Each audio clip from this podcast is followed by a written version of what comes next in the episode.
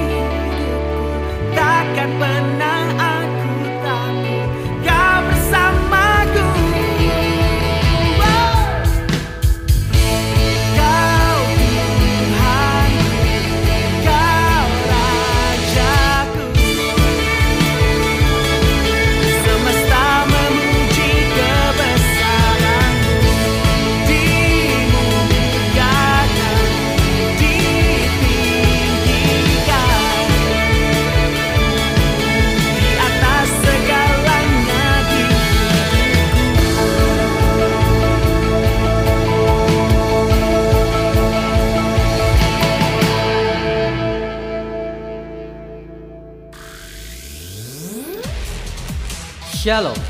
Anda akan mendengarkan program Puasa dalam firman-Nya yang disampaikan oleh Pastor Dorcas Daud dari Hope ACC dan Dorcas Ministries. Selamat mendengarkan. Saya percaya Anda semuanya diberkati, Anda semuanya bersuka cita karena Tuhan sangat setia menyertai kita. Sebelum itu mari kita berdoa terlebih dahulu. Terima kasih Bapak Surgawi hari ini kesempatan kau beri untuk kami terus mempelajari kebenaran firman-Mu. Dan ketika kami terapkan kebenaran firman-Mu, kami hidup dalam kebenaran-Mu, maka kami dimerdekakan dari segala hal yang akan menjerat kami, menahan kami, mengikat kami, memenjarakan kami untuk kami bertumbuh secara rohani, secara iman dengan sehat untuk kami mengalami hidup dalam kemerdekaan menikmati anugerah penebusan Tuhan Yesus. Kami ucap syukur, kami siap menerimanya di dalam nama Tuhan Yesus Kristus. Haleluya. Amin. Nah, sering kali di dalam kehidupan ini kita menghadapi begitu banyak hal, situasi, kondisi, orang-orang yang kerap kali tidak menyenangkan hati kita atau tidak sesuai dengan apa yang kita kehendaki. Nah, bagaimana kita dalam menghadapi situasi, kondisi seperti itu? Semuanya itu akan tergantung kepada sikap hati kita, cara berpikir kita. Itu sebabnya dalam kitab Roma pasal yang ke-12 ayat yang ke-1 2 di situ dituliskan bahwa hendaklah kita mengalami pembaruan di dalam budi kita. Pembaruan dalam budi itu artinya adalah pembaharuan pikiran. Dibaharui dengan apa? Dengan kebenaran firman Tuhan. Sehingga kita memiliki cara berpikir yang benar, yang tepat, yang sesuai dengan pemikiran daripada Allah Bapa sendiri dan menghasilkan sikap hati yang benar, sikap hati yang tepat. Karena kalau dua hal ini terjadi dalam hidup kita, maka kita akan mengalami kehidupan walaupun ada kondisi situasi yang tidak sesuai dengan hati kita, tapi kita tetap konsisten punya semangat hidup, kita tetap punya semangat untuk maju, kita tetap menyala-nyala, kita tetap bergairah menjalani kehidupan ini. Dan jauh daripada putus asa, kecil hati dan kehilangan semangat. Nah, dalam Roma pasal yang ke-12 ayat 2 tadi, mengapa kita perlu untuk mengalami pembaharuan dalam pikiran atau dengan kata lain kita memang harus mau mengganti cara berpikir manusia lama kita yang tidak sesuai dengan firman Allah. Sekarang harus diganti dengan apa yang dikatakan oleh firman. Supaya apa? Supaya kita mengerti akan kehendak Allah Bapa yang baik, yang berkenan, dan yang sempurna. Nah, ini penting Ketika kita mengetahui kehendak Allah Bapa, kita hidup tidak seperti coba-coba. Kita hidup tidak seperti berjalan dalam kegelapan dan kita meraba-raba dan iman kita tidak berkata, "Oh, mungkin." Oh mungkin atau kita penuh pertanyaan apakah apakah atau kita hanya berkata ya semoga ya semoga tapi ada kepastian yang berbicara karena iman kita itu sehat Nah, untuk itulah bagaimana kita bisa menghadapi situasi kondisi itu tetap dalam kondisi yang up, bukan down. Dalam Yohanes pasal yang ke-16 ayat 33 dikatakan begini. Semuanya itu kukatakan kepadamu supaya kamu beroleh damai sejahtera dalam aku dalam dunia kamu menderita penganiayaan. Tetapi kuatkanlah hatimu, aku telah mengalahkan dunia. Wow, luar biasa apa yang sudah dikerjakan oleh Yesus. Itu sebabnya iman kita kepada dia dikatakan dalam firman Tuhan iman yang telah mengalahkan dunia. Memang Tuhan Yesus sudah berkata bahwa kamu akan mengalami penderitaan, penganiayaan, masalah yang tidak sesuai dengan apa yang kamu kehendaki. Tetapi sikap hatimu harus sikap hati yang benar. Dan sikap hati yang benar adalah sikap hati yang tetap dalam damai sejahtera. Kita tetap tenang, kita tetap penguasaan diri, kita tetap bisa bersuka cita, bahkan mulut kita bisa mengucap syukur karena damai sejahtera itu sudah diberikan oleh Yesus dalam diri kita. Damai sejahtera Yesus sendiri.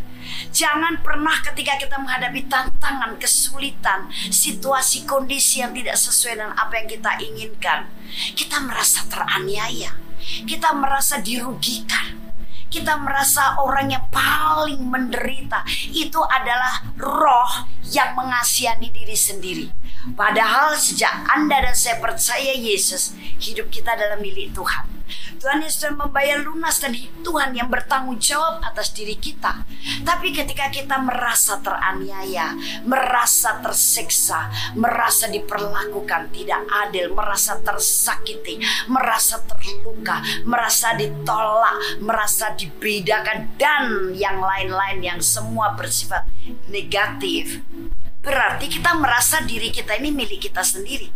Bukankah Paulus mengingatkan kita bahwa hidupku ini sekarang bukan aku lagi, tapi Yesus yang hidup di dalam aku. Nah, itu sebabnya kita harus percaya menyadari bahwa damai sejahtera Yesus sudah diberikan kepada kita. Kita tetap hidup dalam damai sejahtera itu sehingga sekalipun kondisi situasi tidak baik atau ada orang-orang yang bersikap kurang baik kepada kita. Kadang-kadang kita punya jiwa yang terlalu lemah. Orang berkata tidak baik sedikit kepada kita, kita sudah merasa teraniaya. Nah, ini sikap hati yang salah. Nah, percayalah damai sejahtera itu adalah sebuah kekuatan, sebuah fondasi. Damai sejahtera itu juga seperti pagar yang akan menjaga kita sehingga kita tidak mudah gelisah, kita tidak mudah kecewa, kita tidak mudah merasa runtuh, kita tidak mudah merasa jatuh. Damai sejahtera itu adalah roh kekuatan yang diberikan oleh Yesus karena dalam damai sejahtera itu iman kita akan tetap berdiri dengan teguh. Sukacita kita akan tetap menyala-nyala. Bahkan roh kita juga akan tetap berkobar-kobar tak pernah padam. Nah, jadi jangan terlalu kita memanjakan perasaan hal-hal sedikit yang tidak sesuai dengan keinginan hati kita, kita sudah merasa tersakiti, kita sudah merasa teraniaya. Padahal iman kita kepada Yesus telah mengalahkan dunia. Bagaimana mungkin kita bisa dianiaya oleh hal yang ada di dunia? Kalau kita telah mengalahkan dunia, kita harus punya iman bahwa dunia ada di bawah kita. Bukan kita yang ada di bawah dunia. Kalau kita ada di bawah dunia, memang rasanya kita berat kita seperti mengangkat dunia ini dengan segala problemnya yang ada. Kita seperti tak berdaya, kita merasa kecil sekali.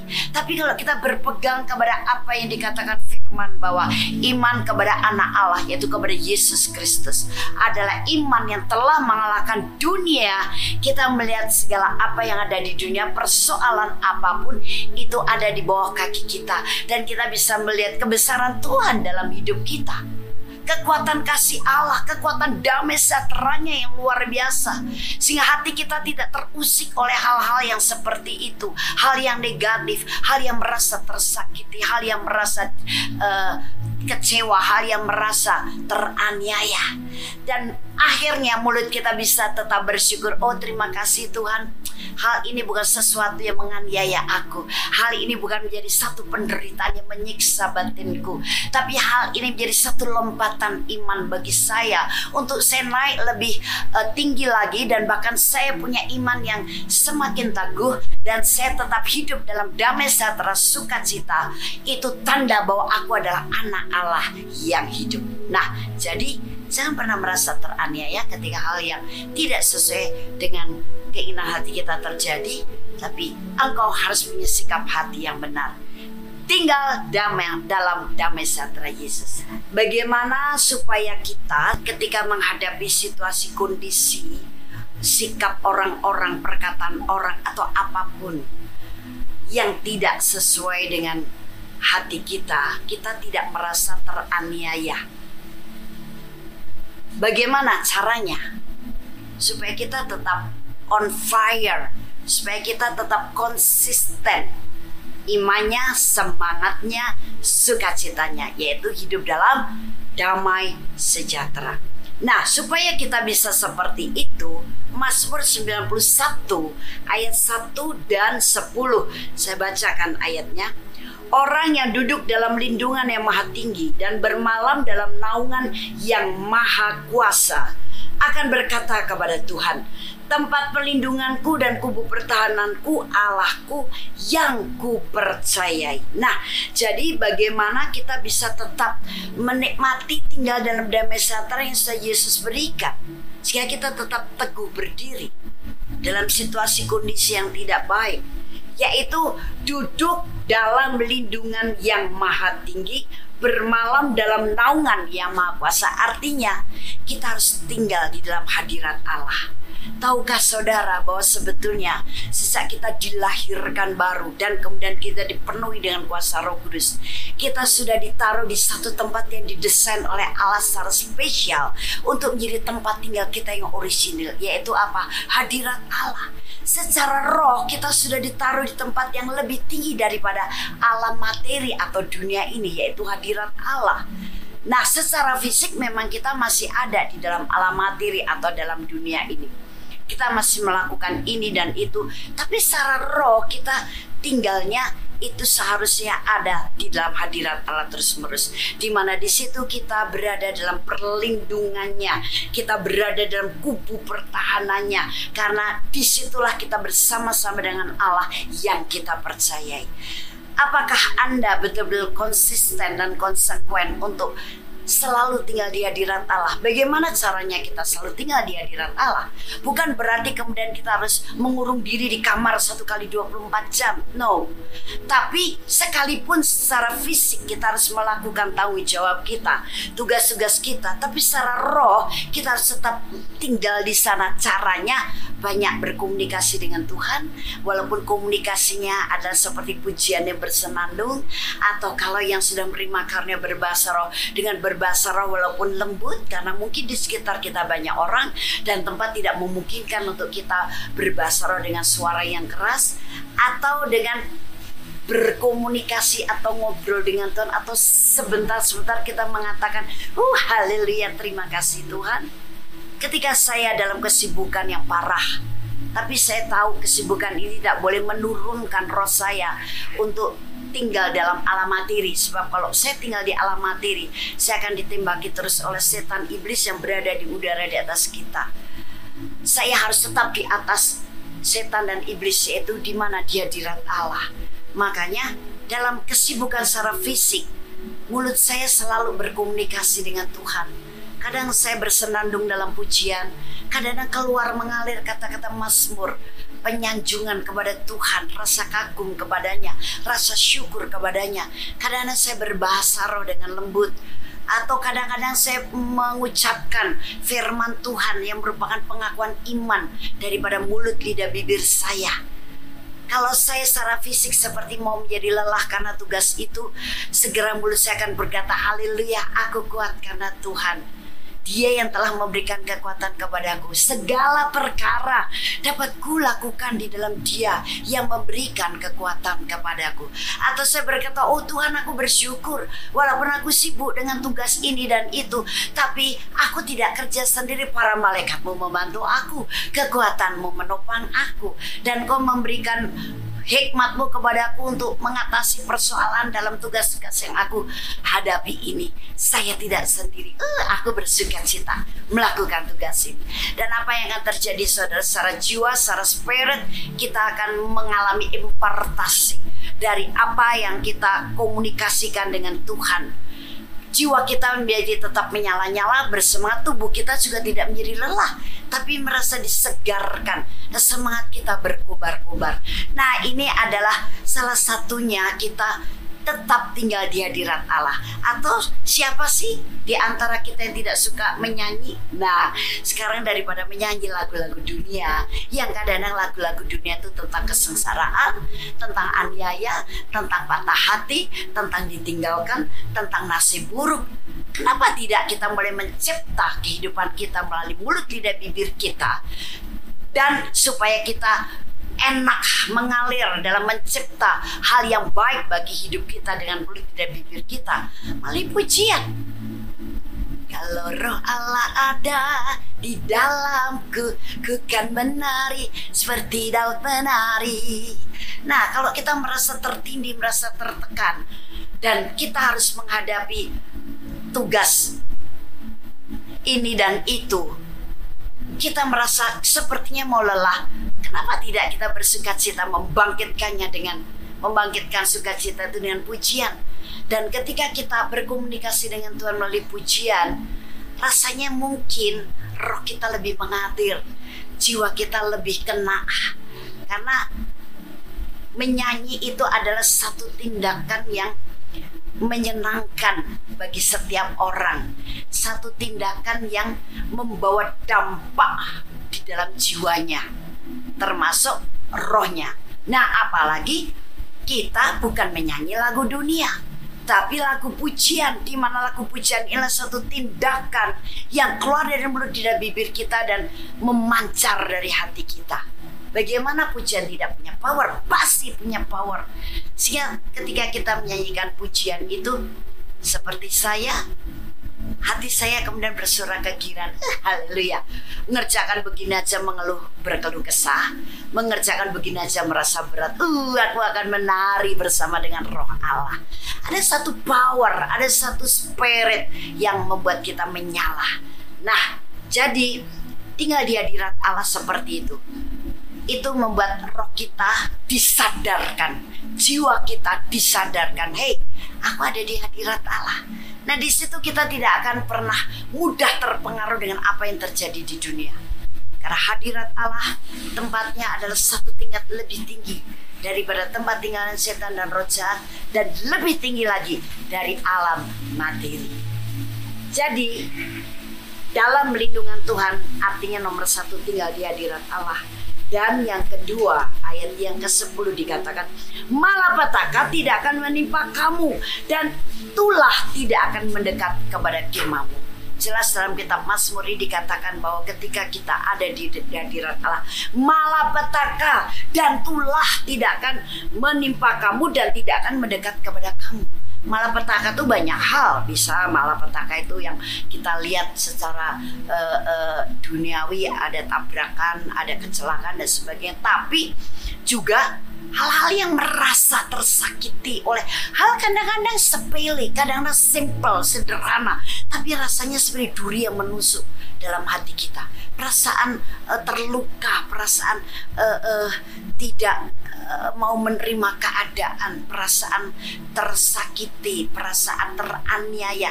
Itu adalah sebuah malapetaka karena Allah tidak pernah merencanakan hidup kita sejak menjadi manusia baru karena sudah percaya kepada penebusan Yesus hidup dalam kondisi seperti itu. Nah, termasuk tulah, tulah itu apa? Hal yang juga hal yang buruk. Nah, itu sebabnya tinggal di hadirat Allah, maka kita akan mendapatkan dan menyadari perlindungan Allah yang kita percayai kubu pertahanan Allah dari Allah yang kita percayai dan kita tidak akan mengalami malapetaka dan tulah tidak akan mendekat kepada rumah kita atau diri kita. Dari Mazmur pasal yang ke-37 ayat 34 Demikian bunyi firman Tuhan. Nantikanlah Tuhan dan tetap ikutilah jalannya. Maka ia akan mengangkat engkau untuk mewarisi negeri. Dan engkau akan melihat orang-orang fasik dilenyapkan.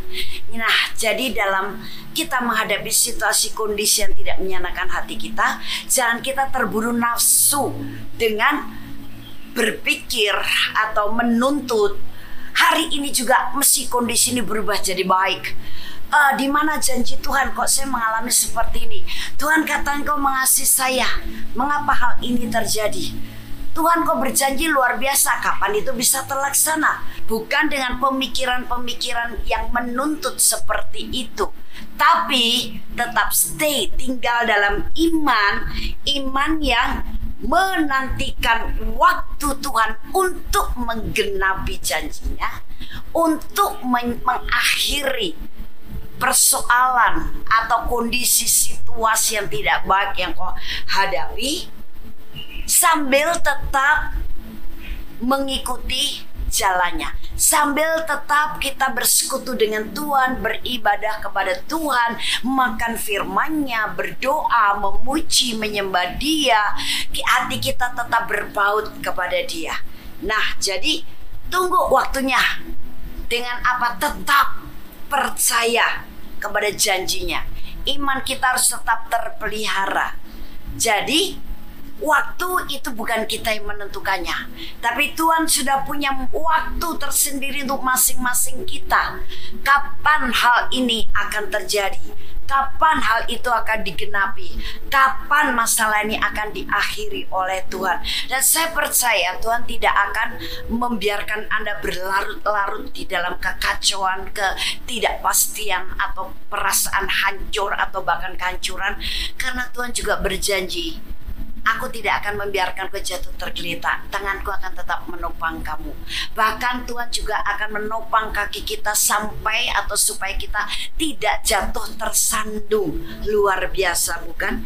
Jadi itu sebabnya dalam masa penantian ini kita jangan berharap-harap cemas karena apa pun yang kita hadapi yang tadinya kita pikir menurut kedagingan dan jiwa kita ini udah sesuatu yang paling berat ini sesuatu yang buruk tapi di matanya Tuhan Tuhan tidak pernah mengizinkan pencobaan-pencobaan melebihi kekuatan kita loh Tuhan tahu kok kekuatan kita sampai di mana. Tapi kadang-kadang kita merasa menjadi merasa tidak kuat karena tadi dalam menghadapi itu belum-belum sudah mengawali dengan perasaan teraniaya, perasaan tertindas, perasaan dikecewakan, perasaan saya ini menjadi korban. Padahal kita ada winners, kita para pemenang karena Yesus telah menjadi pahlawan yang menang bagi kita. Nah, itu sebabnya kita tetap untuk menantikan Tuhan sambil iman kita tetap teguh berdiri dan kita percaya waktu Tuhan tidak akan pernah terlambat, waktu Tuhan pasti tepat dan di balik semua yang kita hadapi, yang kita alami, selalu rancangan-rancangan Tuhan adalah rancangan yang baik. Terbaik buat Anda dan saya, bahkan rancangan yang bukan membawa malapetaka, tapi rancangan yang membawa damai sejahtera.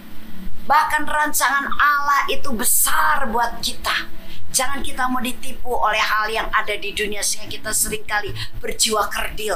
Kita berpikiran sempit. Kita belum-belum sudah merasa kalah, kita merasa give up, kita merasa tidak mampu. No, Yesus di dalam dirimu menjadikan engkau dilahirkan baru sebagai manusia baru yang punya roh lebih besar daripada roh-roh yang ada di dunia. Bagaimana mungkin kalau roh kita lebih besar? Lebih besar kuatnya, lebih besar perkasanya, lebih besar powernya. Kita bisa dikalahkan oleh dunia. Bahkan kita telah mengalahkan dunia. Kita telah mengalahkan nabi-nabi palsu. Sehingga manusia roh kita ini manusia roh yang membuat kita akan kuat. Makanya kita perlu hidup selalu di dalam pimpinan roh. Roh kudus, roh yang baru. Karena roh yang baru ini menandakan bahwa kita sekarang berasal daripada Allah.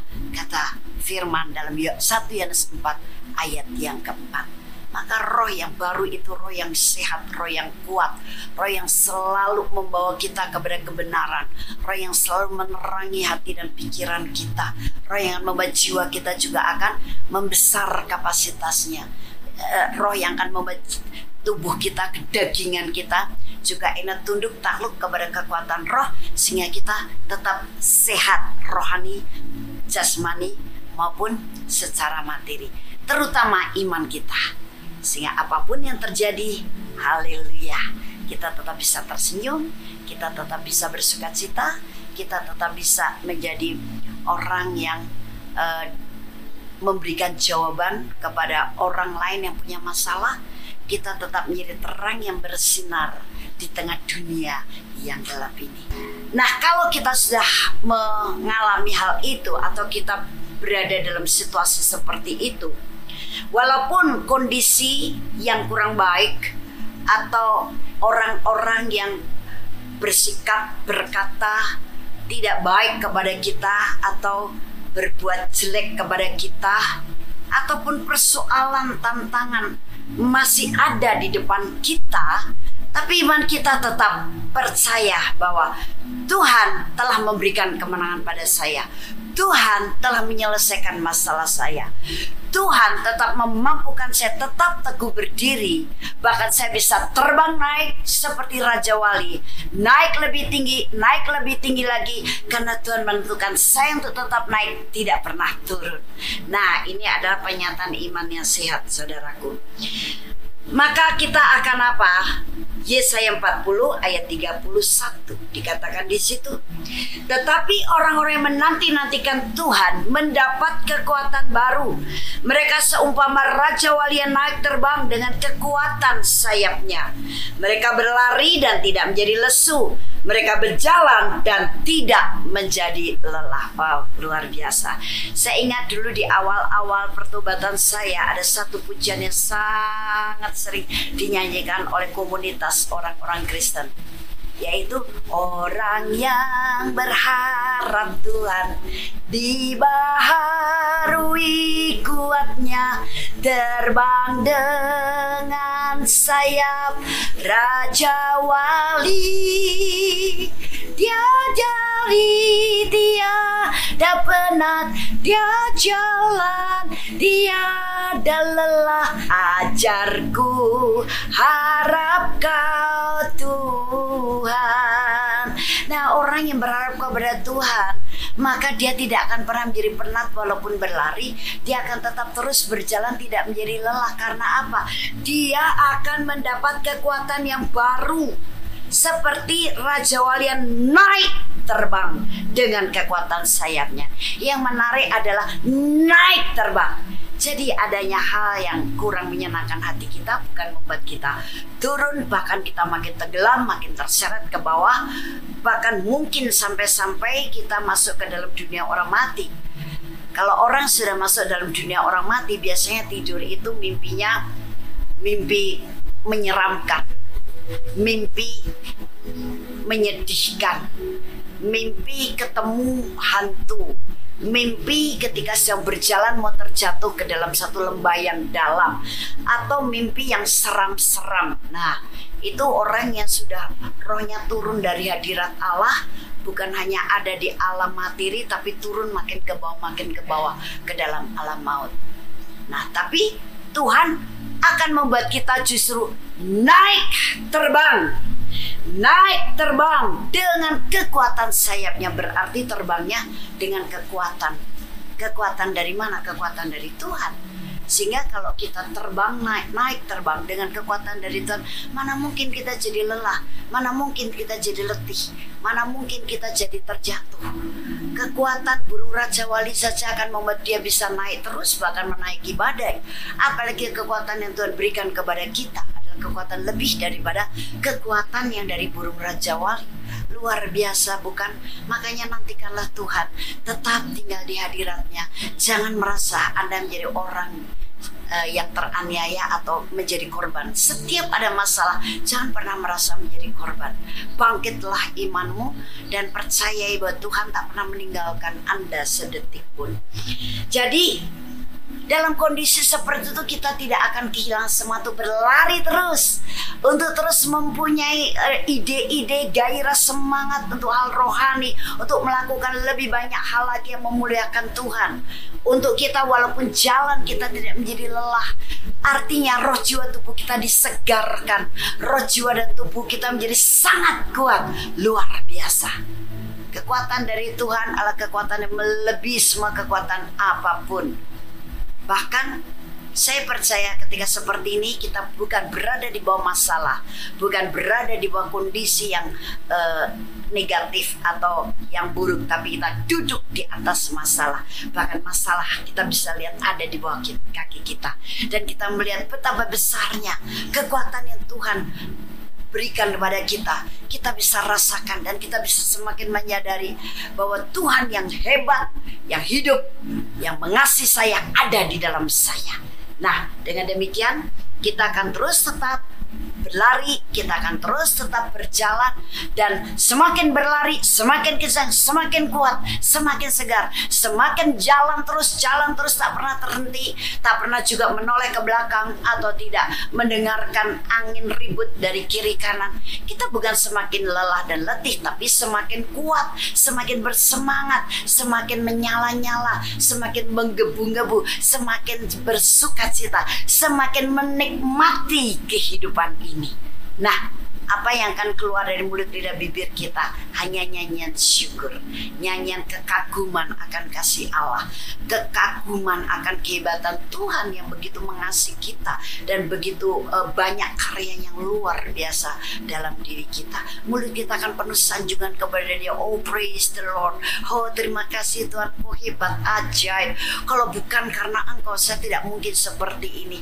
Karena bukan oleh kuat, bukan oleh gagah, tapi oleh rohmu Tuhan. Terima kasih Tuhan. Aku mensyukuri dan aku memberkati kehidupanku. Setiap hari aku berkati langkah-langkah kakiku. Setiap hari aku jalan di langkah-langkah kakiku dengan penuh sukacita yang akan menimbulkan iman yang optimis bukan iman yang pesimis yang akan membuat saya menjalani kehidupan ini penuh dengan gairah. Begitu banyak hal yang indah, ide-ide yang kreatif daripada Roh Kudus, hikmat Tuhan, kecerdasan daripada Tuhan, urapan yang menyala-nyala bahkan saya tidak hanya sibuk dengan diri sendiri. Akhirnya saya akan tergerak ketika melihat orang lain membutuhkan doa, membutuhkan kesembuhan, membutuhkan kelepasan, membutuhkan siraman air yaitu firman Tuhan. Aku akan melakukannya dan ternyata aku bekerja luar biasa di dalam diriku. Nah, itu yang terjadi dalam hidup kita. Firman dari Ibrani pasal 13 ayat yang ke-6. Saya bacakan. Sebab itu dengan yakin kita dapat berkata, Tuhan adalah penolongku.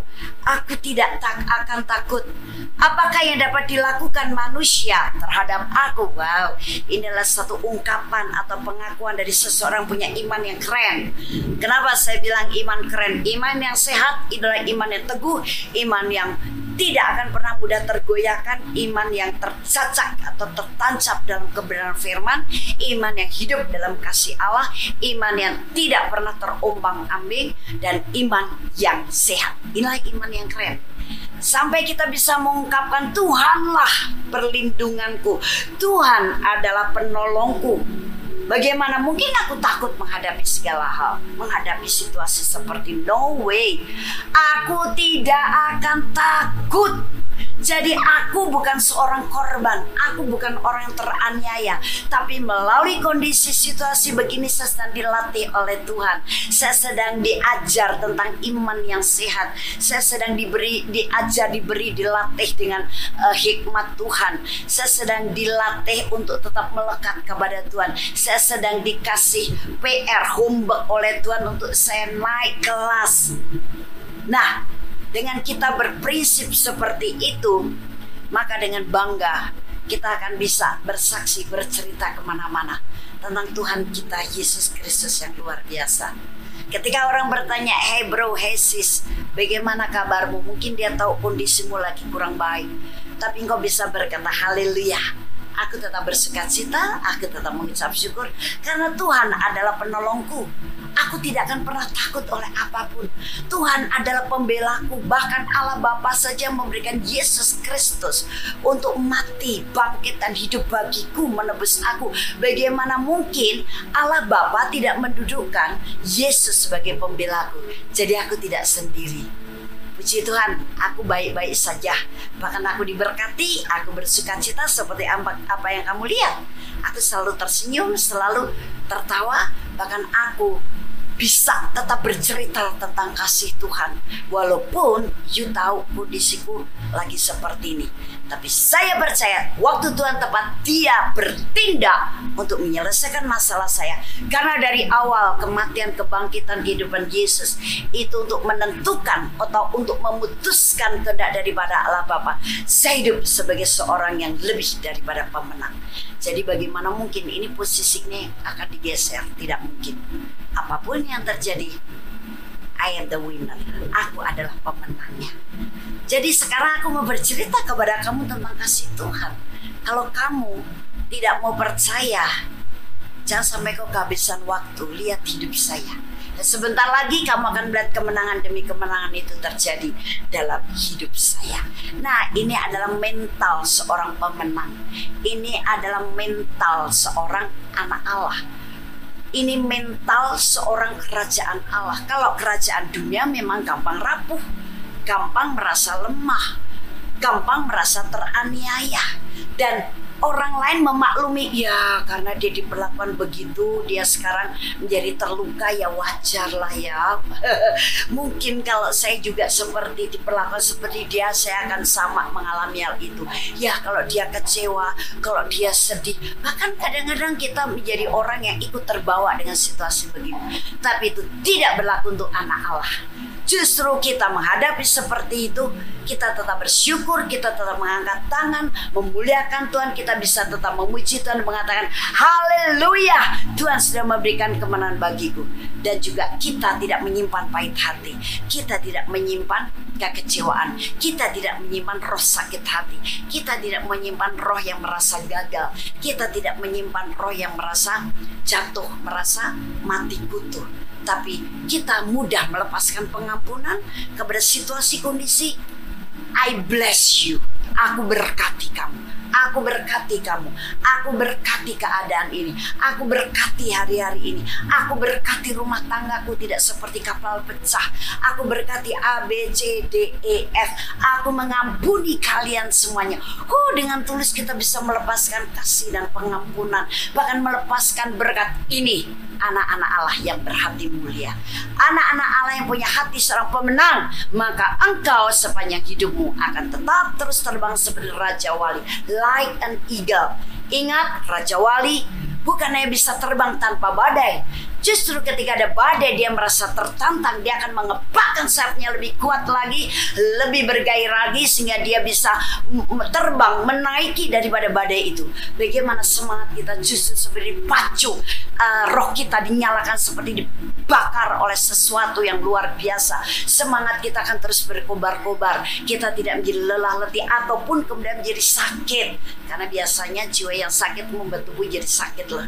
Jadi kalau Anda merasakan tubuh sakit coba cek koreksi jiwamu. Merasa teraniaya merasa sakit hati merasa kecewa merasa ter uh, menjadi korban. Nah jadi roh jiwa tubuh kita menjadi sehat dan bahkan kita menjadi orang yang uh, uh, kuat. Kita menjadi orang yang tetap bisa terbang mengepakkan sayapnya semangat kita lebih berkobar-kobar tekad kita lebih bulat, iman kita semakin kuat kokoh di dalam Tuhan.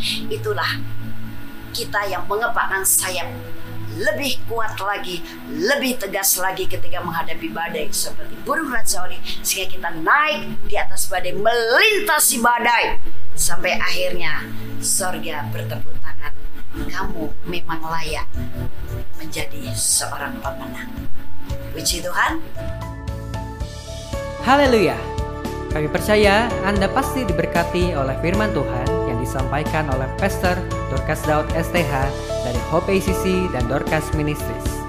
Dan bila Anda memiliki pertanyaan seputar kegiatan pelayanan kami, Anda dapat menghubungi kami di 08 222 703 0006. Sekali lagi di 08 222 703 0006. Sampai jumpa kembali. Tuhan Yesus memberkati.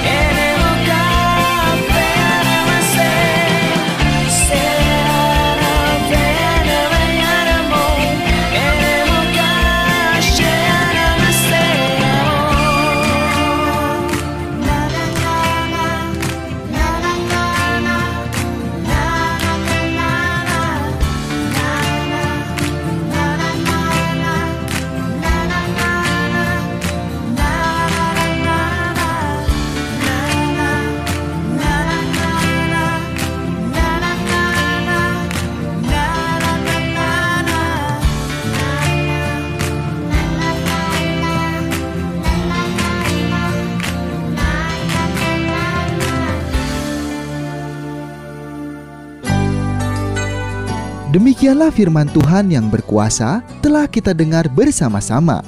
Dan kami percaya Anda sangat diberkati.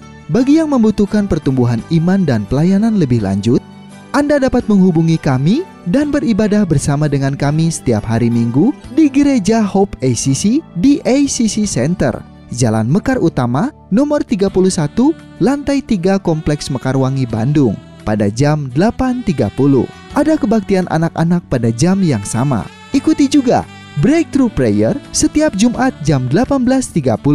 Jika Anda membutuhkan dukungan doa, Anda dapat mengirimkan SMS ke nomor 0822 2703 0006. Tuhan memberkati.